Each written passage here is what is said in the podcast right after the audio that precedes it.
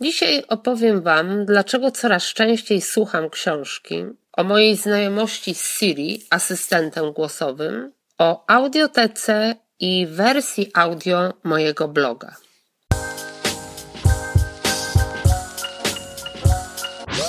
Cześć, jestem Magda, a Ty właśnie słuchasz dźwiękowej wersji mojego bloga magdablog.pl.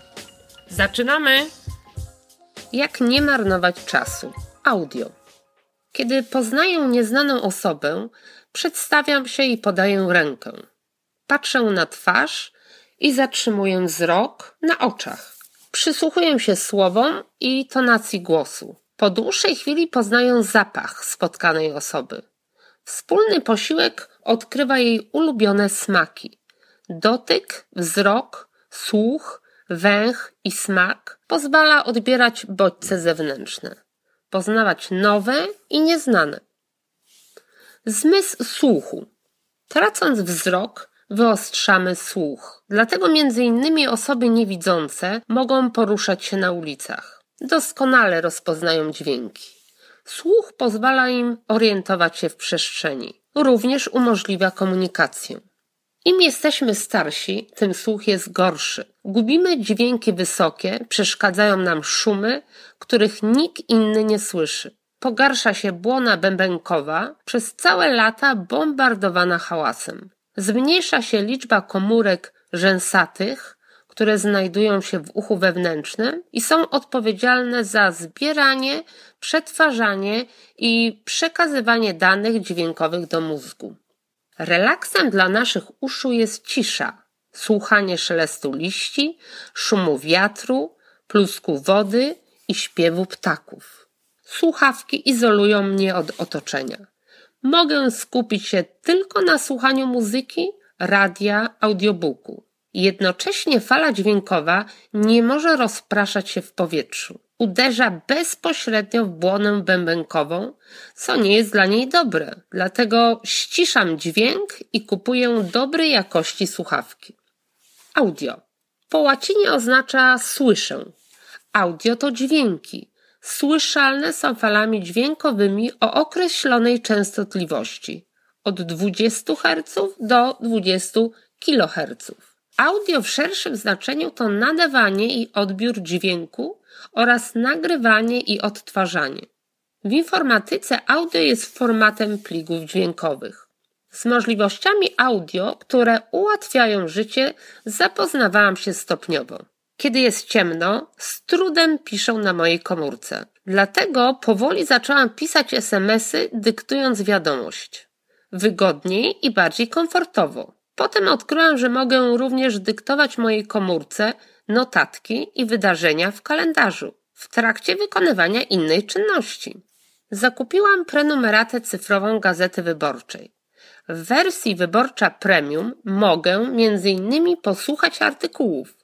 Syntezator dźwięków Iwona mówi, co tu ukrywać, bardzo monotonnie, ale jest przydatną alternatywą dla zabieganych i niedowidzących. Poznałam Siri, asystenta głosowego w systemie operacyjnym iOS.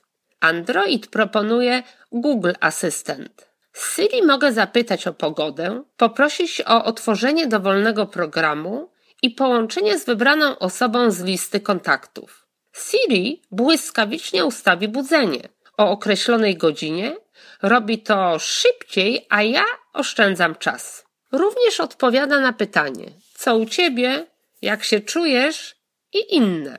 Niestety asystent głosowy nie działa w języku polskim. Dlatego potrafię zadać tylko proste pytania i wydać krótkie polecenia. Kiedyś poprosiłam Siri, aby otworzyła audiotekę. Jest wersją mobilną sklepu internetowego Audioteka, którym można kupić audiobooki. W aplikacji zaczęłam słuchać książki, początkowo darmowe lub niepłatne, i jej fragmenty. Tutaj zaczęła się moja przygoda z książką słuchaną. Stopniowo przyzwyczajałam się i doceniałam wygodę. Do audio przekonałam się podczas biegania, w podróży i w drodze do pracy. Koleżanka mojej córki w prezencie z okazji urodzenia dziecka dostała subskrypcję na audiobooki. Jest zachwycona. Nigdy wcześniej nie przeczytała tylu książek. Idąc na spacer z wózkiem, słucha kolejne lektury. Kolega znalazł świetne lekarstwo na miejskie korki. Włącza w samochodowym odtwarzaczu audio. Wersja audio mojego bloga. Powstała dzięki mojej córce. Długo mnie przekonywała, że muszę spróbować. Kolega, nauczyciel i radiowiec, udzielił mi pierwszej lekcji. Oddychaj głęboko przez przeponę. Mów wyraźnie. Przerywaj. Pij wodę i próbuj dalej. Zgodnie z jego sugestią zbudowałam studio nagrań w mojej szafie odzieżowej. W środku ustawiam taboret, na nim tablet i komórkowy dyktafon.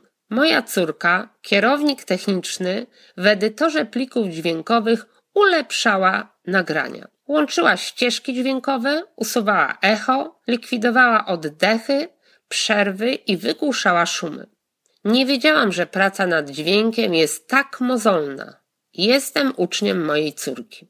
Możesz zaoszczędzić czas i posłuchać wersji audio mojego bloga na YouTube lub iTunes. Zapraszam. Na dzisiaj tyle. Jeśli chcesz być na bieżąco, zapraszam na mój Facebook, Instagram i blog.